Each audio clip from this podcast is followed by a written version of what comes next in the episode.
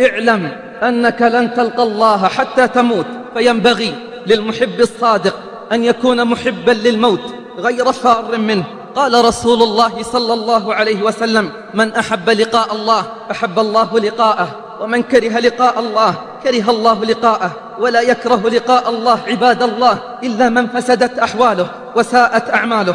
فالمحب الصادق عباد الله يذكر الموت دائما لأنه موعد لقاء الحبيب وهو لا ينسى موعد لقاء حبيبه. روي أن ملك الموت جاء إلى إبراهيم عليه السلام ليقبض روحه فقال له إبراهيم عليه السلام هل رأيت خليلا يميت خليلا؟ فأوحى الله إليه يا إبراهيم هل رأيت حبيبا يكره لقاء حبيبه قال فأوحى الله إلى إبراهيم يا إبراهيم هل رأيت حبيبا يكره لقاء حبيبه.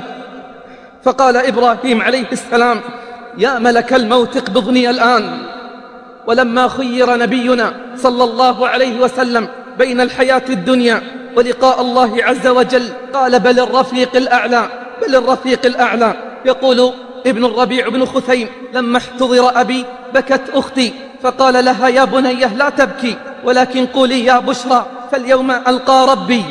وكانت امرأة متعبدة تقول والله لقد سئمت الحياة ولو وجدت الموت يباع لاشتريته شوقا إلى الله تعالى وحبا للقائه. فقيل لها أفعلى ثقة أنت من عملك؟ فقالت لا ولكن لحبي إياه وحسن ظني به. اشتقت إلى لقياه أفتراه يعذبني وأنا أحبه؟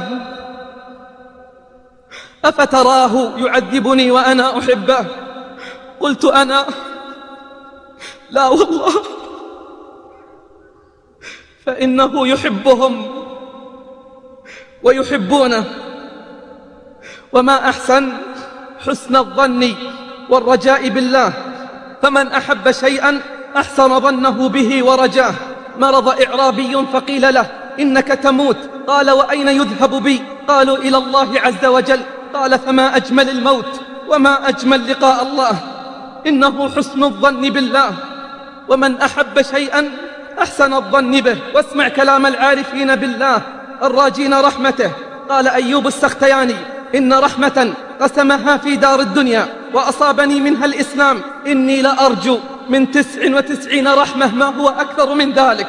وقال بعض العباد لما علمت أن ربي عز وجل هو الذي سيحاسبني زال عني حزني لأنه الكريم الذي إذا حاسب عبده تفضل. قال أحمد بن الحواري سمعت أبا سليمان الداراني ووقفت عليه وهو لا يراني فسمعته يقول مناجيا ربه لئن طالبتني بذنوبي لأطالبنك بعفوك ولئن طالبتني بتوبتي لأطالبنك بسخائك ولئن أدخلتني النار لأخبرن أهل النار أني أحبك ولئن أدخلتني النار لأخبرن أهل النار أني أحبك. يا الله. يا الله.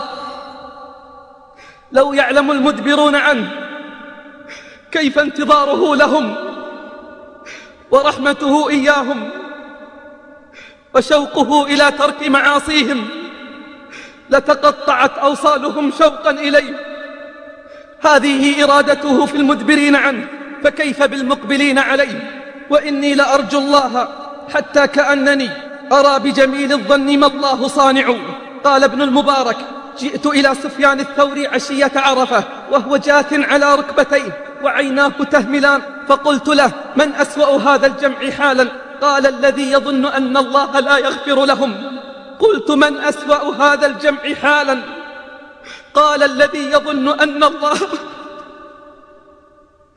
الذي يظن أن الله لا يغفر لهم. أليس هو الذي قال ورحمتي وسعت كل شيء؟ يا الله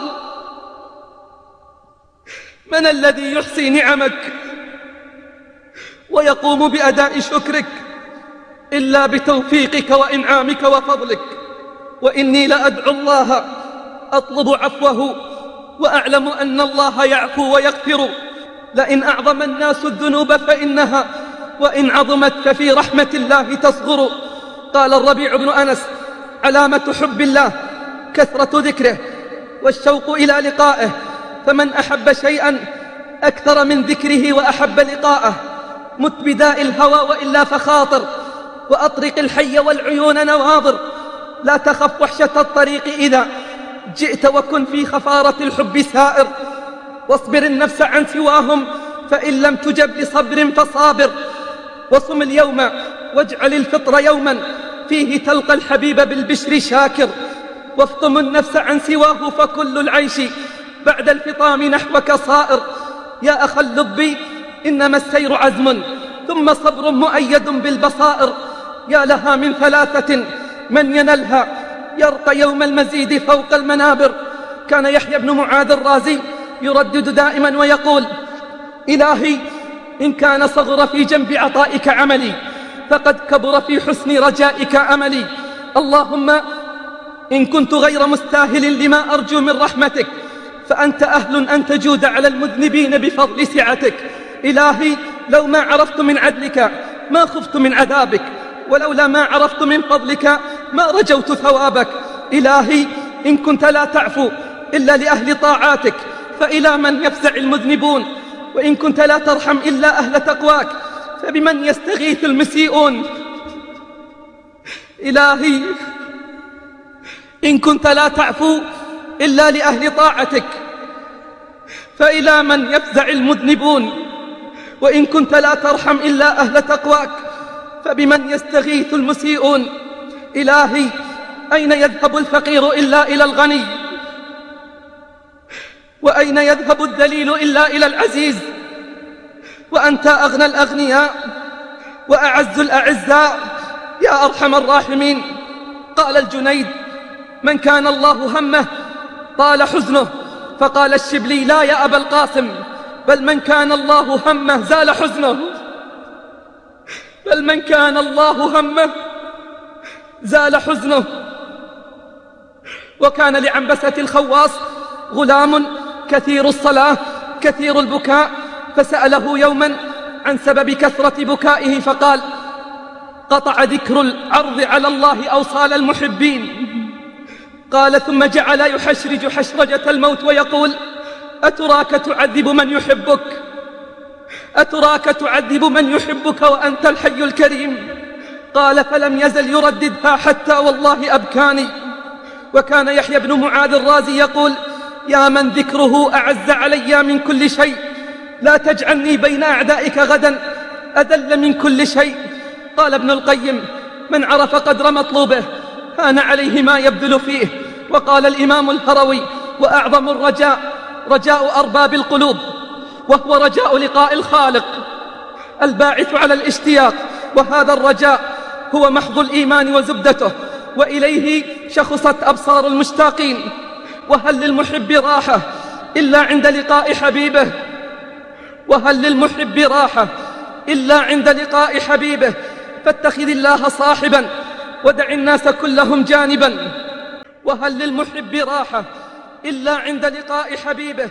فاتخذ الله صاحبا ودع الناس كلهم جانبا.